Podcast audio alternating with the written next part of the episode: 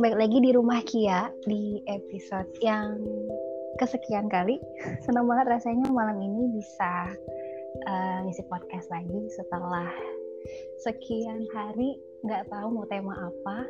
Akhirnya nemu tema. Dan hari ini spesial banget uh, di rumah Kia. Hari ini ada tamu. Disapa dulu dong. Hai. Halo. Hai. Jadi teman-teman uh, di uh, podcast Kia di episode berapa gitu lupa pernah bahas tentang trauma hubungan. Nah, salah satu teman Kia yang request tentang itu ya isi manusia ini nih. Kenalin dulu dong siapa namanya. Halo, hmm, terima kasih udah undang saya ke rumah Kia. Tamu pertama dong. Hmm. Tamu pertama ke rumah Kia. Iya dong udah itu doang kenalannya udah lah nggak nggak perlu sebut nama kan? Ya terus dipanggil siapa gitu di podcast gitu? Kan nggak enak dipanggil anda. Nggak apa-apa anda aja. Oh ini aja. Uh, masnya aja ya? Oke. Okay. oh masnya aja.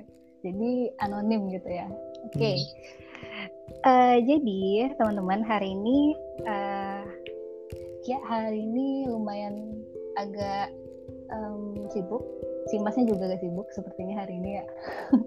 Dan alhamdulillah malam ini masih sempat buat podcast. Nah podcast kali ini kita bakal buat um, perbedaan sudut pandang gitu. Dan temanya adalah hari ini sulung versus bungsu. Dan kebenaran si masnya ini yang anonim ini dia anak sulung.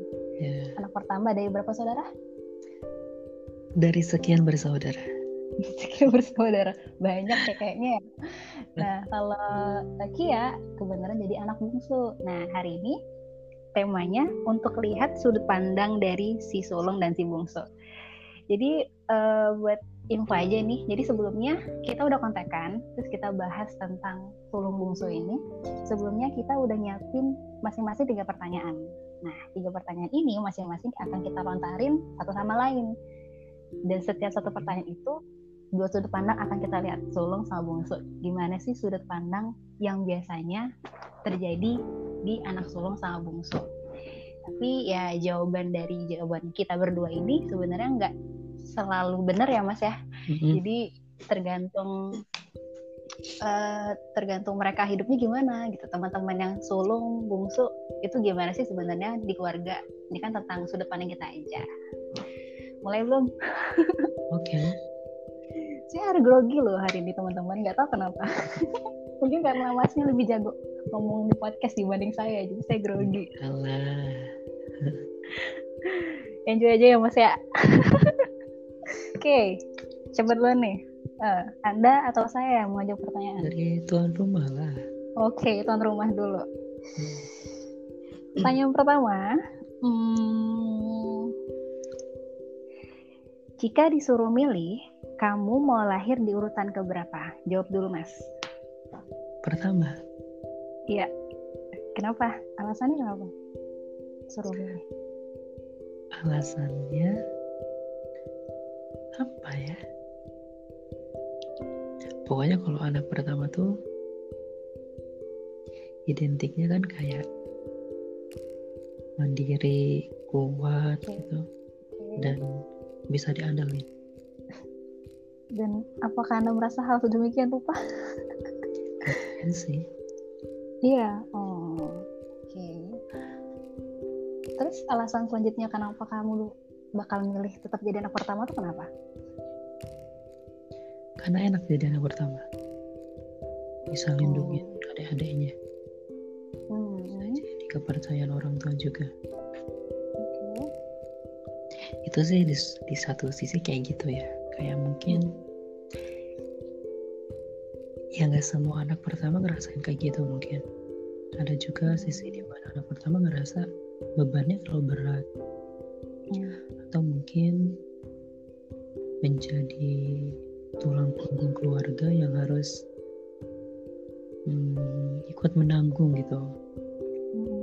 tanggung jawab dari keluarga itu sendiri hmm. itu hal yang patut disyukuri ya berarti ya bukan beban banget berarti iya. Okay, dari sisi anak bungsu. Kalau kayak pribadi ya kalau disuruh milih bakal jadi anak bungsu. Kenapa? Kenapa? Karena karena enak. Karena udah ngasih jadi anak bungsu. Karena kalau apa melihat dari anak bungsu? Apa ya anaknya anak bungsu tuh kata orang kan identik dimanja tapi sebenarnya untuk kayak pribadi sih enggak sih.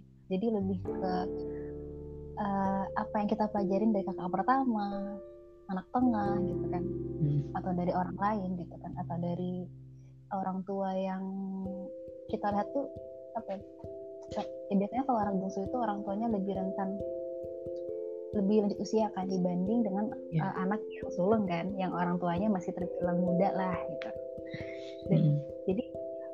Tuh kita bisa lihat kita bisa lihat gimana sih cara mereka hidup.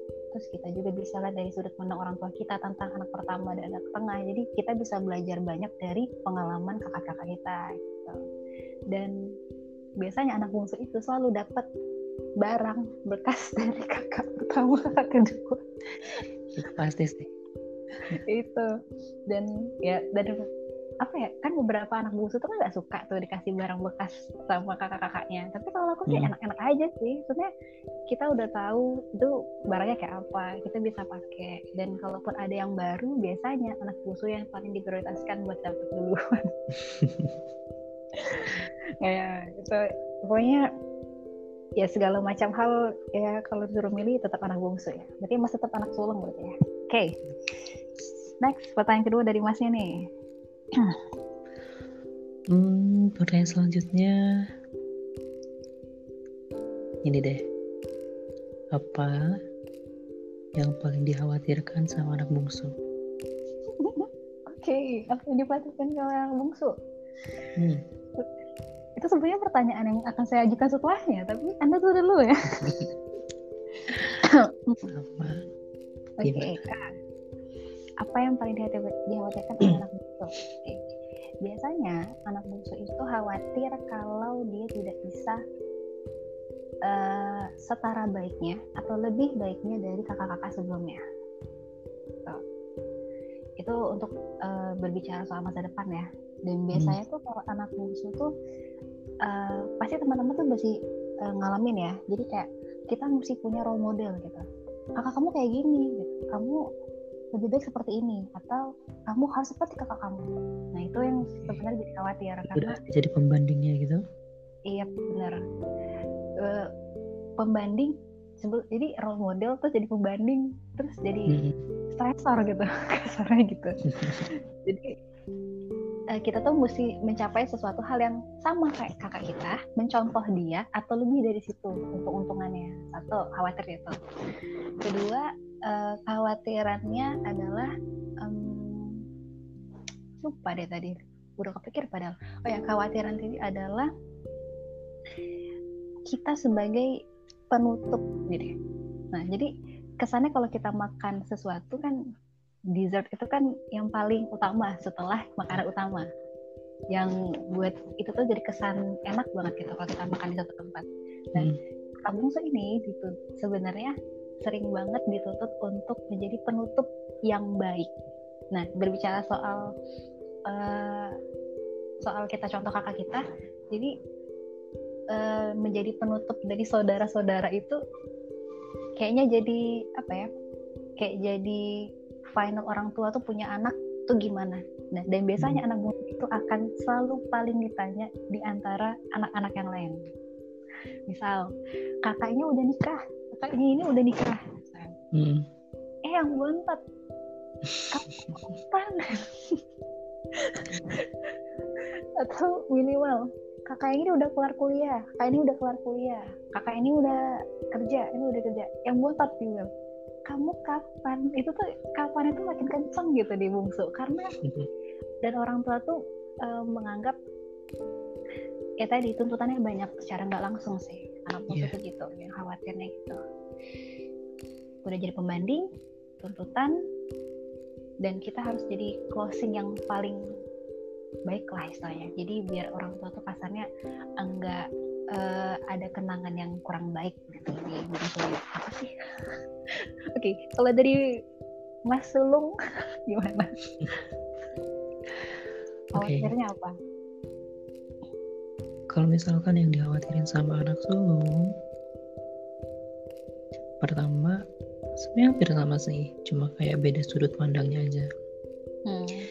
karena anak pertama harus kayak dituntut kuat harus dituntut jadi contoh yang paling baik buat adik-adiknya hmm. dikhawatirkan sama anak bungsu hmm. anak sulung takut gak bisa jadi role model yang baik buat adik-adiknya pertama itu hmm. kedua takut gak bisa jadi pelindung yang baik buat adik-adiknya hmm. terus selanjutnya takut gak bisa melanjutkan tanggung jawab orang tua. Karena gak hmm. memungkinkan kan kalau misalkan kita sebagai anak pertama hmm, kemudian orang tua sudah istilahnya gak bisa lagi bertanggung jawab terhadap anak-anaknya entah alasan sakit meninggal dan lain sebagainya maka anak pertama yang harus bertanggung jawab. Itu yang paling dikhawatirkan sama anak uh, sulung karena takut gak bisa jagain adik-adiknya dengan baik hmm. kemudian juga khawatir kalau misalkan um, adik-adiknya gak bisa hidup atau gak bisa menjalani kehidupan dengan baik karena gak mungkin kan ketika orang tua sudah gak ada maka semuanya akan diserahin sama anak pertama sebagai penanggung jawab selanjutnya hmm. nah, takutnya anak pertama gak bisa sebaik orang tua ketika memberikan kehidupan bagi adik-adiknya hmm. itu sih yang paling dikhawatirin dan intinya sih kayak rasa takut, khawatir kalau misalkan anak pertama kita, saya, gak bisa jagain adik-adik dengan baik, gak bisa jadi role model dan jadi contoh yang baik bagi mereka gitu. Hmm. Gitu. Oke. Okay. Next, pertanyaan selanjutnya. Masih nyambung soal kekhawatiran. Sejak kapan sih kekhawatiran itu atau sulung tuh tahu dan sadar oke okay, aku udah mulai khawatir nih soal kayak gini-gini. Terus sejak kapan sejak kayak sejak tumbuh jadi dewasa sih. Umur berapa tuh mas? Emang mas udah dewasa? Hmm, setelah S1 sekitar nomor berapa tuh? 17 sekitar umur enggak, enggak juga. Ketika lulus S1 sekitar umur 22 tahun kan? Oh, lulus S1. Oke. Okay. Terus? Kan ketika kita lulus lulus S1 pilihannya kan dua. Kerja atau lanjut uh, studi seperti itu kan. Oh, pilihan ketiga untuk menikah lagi itu tidak ada ya di Anda? Gak ada di kamu saya ya. Oh, belum. belum ya. Uh, lanjut, kenapa? Khawatirnya umur segitu terus hmm, ada karena kan ketika uh, lulus S1 sebenarnya sudah bisa mencari uh, istilah nafkah sendiri pekerjaan rezeki hmm. sendiri gitu dan sudah bisa lepas secara finansial dari orang tua hmm. tapi saya sendiri memilih untuk melanjutkan S2 yang artinya beban finansial masih harus ditanggung sama orang tua itu sedangkan saya ngerti bahwa adik-adik saya masih kecil. Adik-adik saya pendidikannya masih belum ada yang kuliah masih SM, SMA, SMP, SD dan saya mulai memikirkan itu. Kadang saya ngerasa ini saya S2 tuh kerepotin gak sih sebenarnya? Terus adik-adik saya gimana apakah mereka akan ngerasain um, pendidikan sama kayak saya? Terus kalau misalkan saya kuliah kayak gini saya juga khawatir sama adik-adik saya.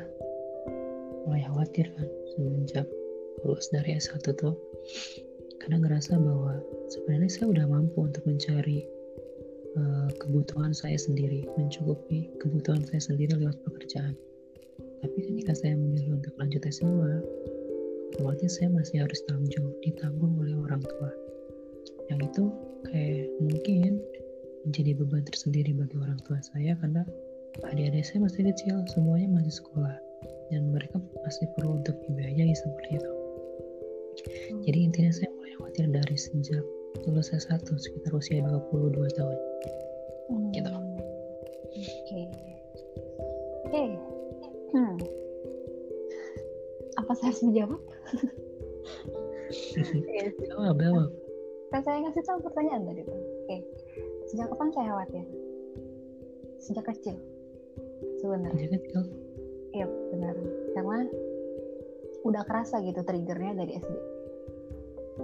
Bahkan dari TK pun udah ngerasa, oke okay, aku bakal mengalami hal-hal gini gini gini. Jadi uh, bukan berpikir dewasa terlalu cepat, tapi lebih ke rasa khawatir dan takut itu terlalu cepat datang gitu di di zaman-zaman yang sebenarnya uh, kayak kelas kelas 1, kelas 2, kelas 3 SD ataupun TK itu harusnya kan masih main, masih ini, masih itu kan. Yeah. Cuma dari hal ranking aja itu udah jadi khawatir sebenarnya.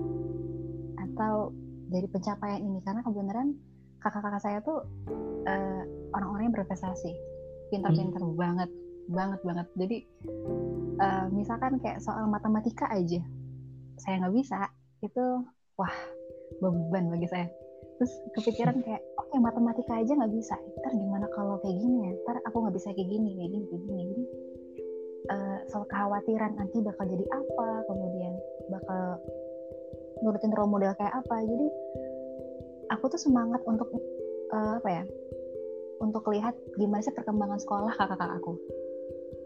Karena bukan cuma sekadar mensupport tapi untuk memantau oke okay, aku bakal jadi apa kalau mereka jadi kayak gini.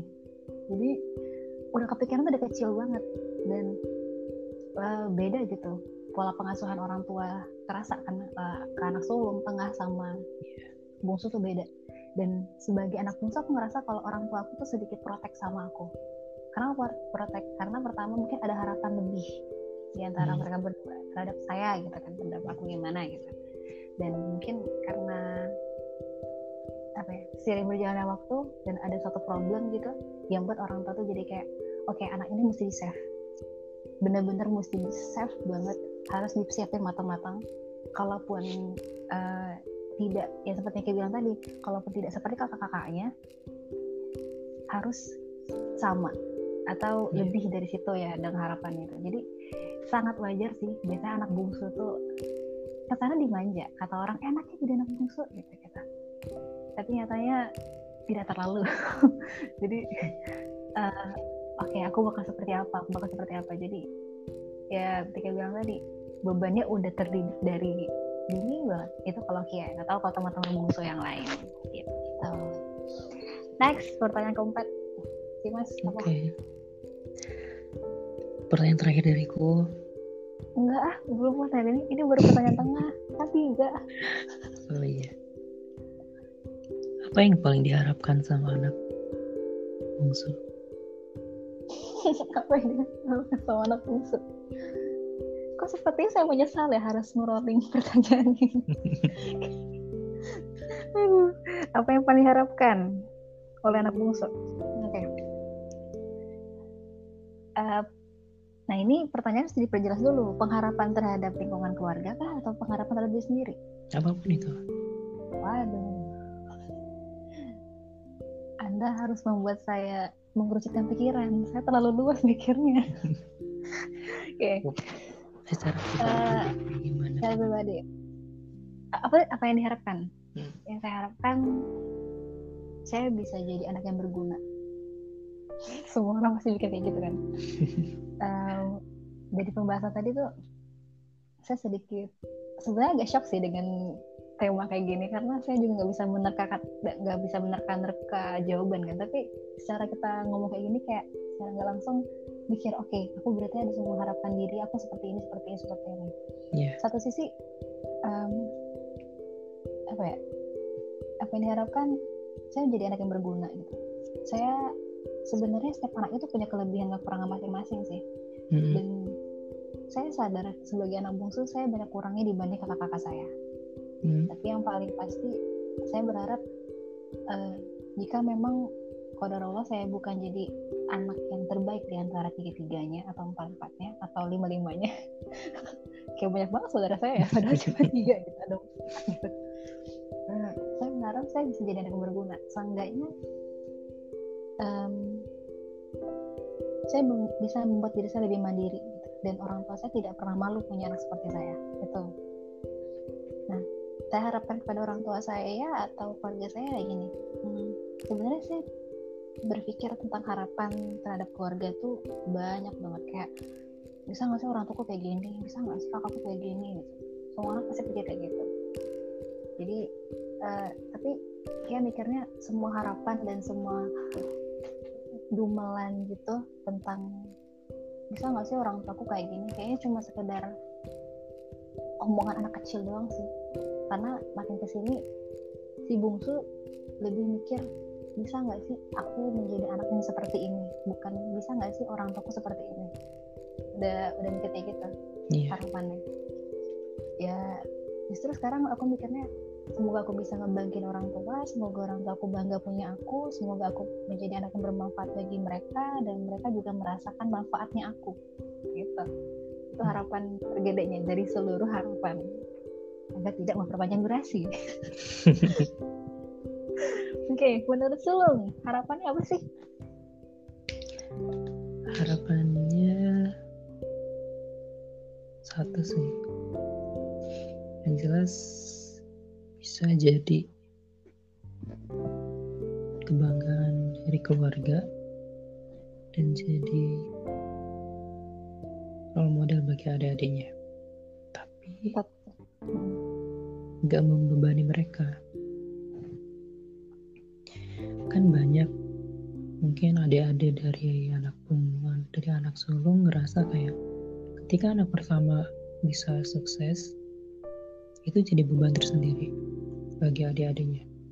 Harus kayak kakaknya atau mungkin harus lebih dari kakaknya. Dan saya nggak mau adik-adik saya kayak gitu. Biarkan mereka bisa membanggakan keluarga dengan cara mereka masing-masing. Gak harus sesuai gak harus sama kayak kakaknya. Karena tiap jalan anak itu kan beda-beda.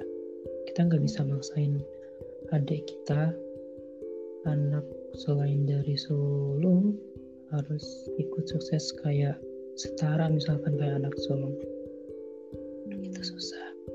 Makanya biarkan mereka membahagiakan membanggakan keluarga dengan cara mereka masing-masing.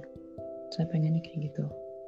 Tapi seenggaknya saya udah ngasih jalan bahwa kalau kakak saja bisa sukses kalian juga bisa sukses dengan cara dan dengan minat kalian masing-masing. Itu harapan terbesar saya sebagai anak sulung hmm. ya semua kakak-kakak kayak gitu ya. Soalnya kakaknya Kia pun juga berpikir kayak gitu jadi setiap kakak-kakak dan setiap adik-adik termasuk yang pribadi itu beda jenjang pilihannya. Jadi hmm. mereka di jurusannya beda-beda gitu. Dan alhamdulillahnya si bungsu ini dapat support dari yang tengah dan jadi yang sulung untungnya. Jadi bisa saling gitu apa bahu membahu apa sih? Ya support support gitu oke. Okay tapi harusnya itu pertanyaan terakhir harusnya mas ya. Iya kan saya bilang itu pertanyaan terakhir dari saya. Enggak tidak. Satu pertanyaan lagi. Gimana pertanyaannya? Nah sebagai anak sulung dan bungsu kamu tuh di antara ayah dan ibu sebagai jembatan atau tidak? Kalaupun jadi jembatan kamu tuh seperti kamu tuh kalau di rumah sebagai apa sih biasanya di antara ayah dan ibu gitu tolong mana oh hmm, sejauh ini saya saya belum pernah ada di uh, kondisi itu tuh. Karena ya saya melihatnya orang tua saya alhamdulillahnya selalu harmonis gitu dan mungkin ada masalah tapi bisa mereka selesaikan sendiri kayak gitu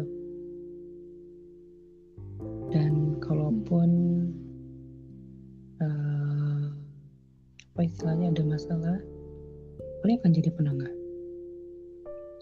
jadi penengah jadi kayak pengadil gitu. Mendengarkan dari kedua sisi dan coba meraih mereka gitu. Pernah kayak gitu? Siapa? Anda pernah seperti itu? Pernah di antara di pelarai gitu? Enggak. Jangan jangan sampai sih oh belum pernah. Tapi akan berperan seperti itu ya? Ya nggak tahu. Tapi mudah-mudahan enggak. Mudah-mudahan kita harmonis amin. Oke. Okay. um, kalau kamu dari bungsu peran bungsu di antara kedua orang tua. Uh, sepertinya itu kayak apa ya? Uh, ini. Hmm, sepertinya setiap anak bungsu pasti akan selalu dicap sebagai anak kecil paling kecil nggak ngerti bener ya hmm. jadi kadang-kadang um, jadi faktanya di setiap usia pernikahan itu pasti ada yang namanya cocok nggak cocok pasti ada yeah. tinggal gimana kita tak kita sebagai anak tahu atau enggak sih orang tua kita lagi cocok atau enggak lagi ribut atau enggak gitu atau lagi harmonis atau enggak. Cuma uh, sebagai anak bungsu kayak pribadi dan sering banget ditinggal di rumah karena orang kakak-kakak kan pada ada yang merantau ada yang sekolahnya di pondok gitu kan. Jadi sepanjang umur-umur pasti selalu bertiga di rumah gitu kan. Jadi uh, sebagai anak bungsu tuh paling tahu banget. Jadi kayak rasa anak anak sebenarnya. Paling tahu banget uh, kondisi rumah tuh gimana gimana? Karena yang kita temuin kan mereka berdua aja kan. Yeah. jadi ngerasa banget kalau aku aku nelen semua emosi orang. Jadi uh, baik itu emosi positif maupun negatif gitu kan. Alhamdulillah terlalu selalu banyak positifnya. Tapi memang untuk uh, peran sebagai anak bungsu adalah kita harus benar-benar siap untuk di segala kondisi. Karena apalagi kalau kakak-kakak kita jauh dari kita gitu. Atau kakak-kakak kita punya kesibukan lain. Jadi kita mesti berpikir lebih cepat gimana caranya untuk uh, siap dulu siap uh, secara mental dulu kalau di dalam kondisi orang tua tuh sedang tidak cocok. Itu sering banget terjadi sama anak bungsu sama anak tunggal. Itu biasa sering terjadi. Karena enaknya di sini kami mandang anak sulung dan anak tengah gitu mereka punya kebebasan untuk pergi lebih dulu dibanding bungsu. Iya. Yeah. Jadi uh, jadi beban juga sih kayak pertanyaan yang kedua tadi beban juga karena kita mesti ngejaga semuanya kita mesti jaga diri kita jaga kedua orang tua kita juga karena kita yang terakhir mau nggak mau jadi apalagi perempuan jadi udah mikir kayak oke okay, nanti bakal gimana? Nanti bakal gimana? Kayak berpikir suatu hal yang jauh tuh lebih cepat dibanding usianya. Jadi peran anak bungsu biasanya di antara kedua orang tua adalah siapin mental dulu. Terus harus banyak ilmu banget dan melerai itu iya. Tapi karena labeling sebagai anak bungsu adalah yang kecil banget paling kecil terkadang kita nggak bisa kasih peran apa apa padahal kita pengen. Lebihnya ya ya kita kita jadi peran kedua orang tua kita. Bisa ngomong ke ayah misalnya gini ke ibu kayak gini gitu. Yeah. atau misalkan kita sebagai penengah tuh kayak gini gini gini. Pasti pernah mengalami situ. Cuma yang membedakan adalah itu uh, semua semua apa ya semua pikiran orang tua ibu dan ayah harus kita telan semua dan hmm. kita mesti ngimbangin kayak apa si bungsu ini karena ya tadi kakak-kakak kadang-kadang udah sibuk sama urusan mereka pribadi atau udah jauh gitu. itu rata-rata bungsu sama tunggal bakal ngalamin hal yang gitu sih oke okay, ini udah pertanyaan ke eh sih masih pertanyaan tadi ya terakhir yep. ya pertanyaan closing apa jangan pertanyaan deh. Apa? Pesan buat anak bungsu oh, seluruh okay. dunia. Buat anak bungsu bungsu sedunia ada nggak hari bungsu sedunia gitu? Tanggal berapa? Nggak ada ya? Pesan untuk anak bungsu sedunia. Saya ke podcast ini ya berarti. Pesannya adalah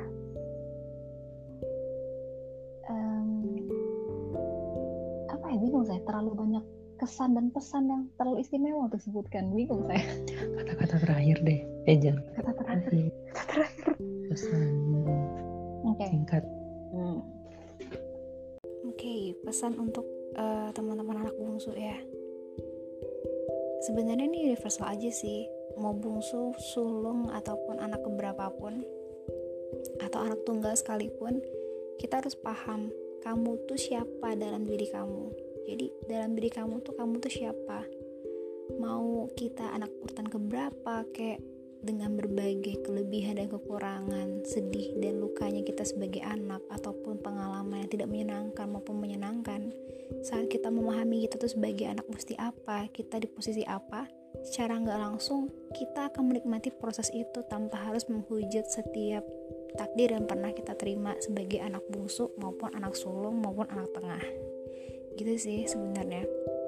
Karena saat kita paham kita tuh siapa kita akan lebih ikhlas kita akan lebih menyukai kita akan lebih happy menjalani diri dan mempersiapkan diri seperti atau sebagai anak yang seperti apa sih yang akan jadi harapan orang tua kita dan harapan diri kita sendiri sebagai anak bungsu ataupun anak yang lainnya. Gitu. Kalau kamu gimana? Pesan terakhir eh pesan terakhir pesan singkat buat siapa pun yang jadi anak sulung. Um, ada istilah bahwa anak sulung tuh pundaknya harus kuat. Ya emang benar. Karena banyak banget beban tanggungan yang harus dipikul sama anak sulung.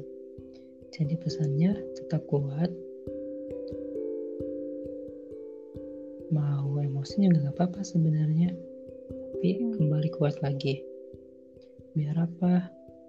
Biar adik-adik kita bisa nyontoh sama kita bahwa kita bisa melalui semua tahapan kehidupan dengan baik. Agar mereka juga ikut optimis dan bisa bahagia dan sukses dengan cara mereka masing-masing.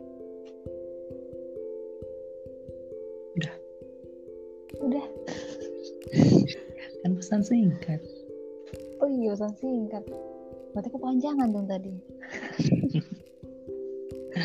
oke okay. Rasanya udah 30 menit lebih. Ini podcast terlama saya loh. Oh iya, sebelumnya Iya.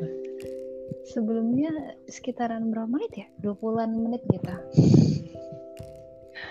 kan bisa okay. sendiri ngomongnya. Iya bisa sendiri. Bisa kalau sendiri mah ngeblank ya. Ini kalau kalau dua orang tuh udah mikir, oke okay, mikir ini mikir itu. Tapi tantangannya lebih kencang sih kalau podcastnya berdua. Nih. Dan groginya lebih nambah gitu. Eh btw uh, teman-teman uh, dan teman Kia ini, si masnya ini, mas tanpa nama ini ternyata punya podcast juga. Apa namanya mas? Podcast apa? Saya punya. Ada. Ayo, nama podcastnya apa? Promo dong, nggak apa-apa. Yang sendiri atau yang rame? Yang rame sendiri sama aja. Kalau yang sendiri saya belum bisa share ke banyak orang. Oke. okay. Barengan sih, sama kan bisa dengerin di gibain aja. Oh, di gibain aja. Oke. Okay. Itu episode sih. Isinya apa sih? Isinya ya tentang kehidupan kita sehari-hari. Mm. Seru kok, dengerin aja. Oke, okay. Gue sudah denger sih, seru sih beneran. Ntar kapan-kapan kita main lagi di digibain aja. Oh, Diundang nggak nih saya? Mungkin star ya. Oke, senang banget. Uh, sekarang udah jam 12 seperti biasa. Kalau bikin podcast hal tengah malam ya.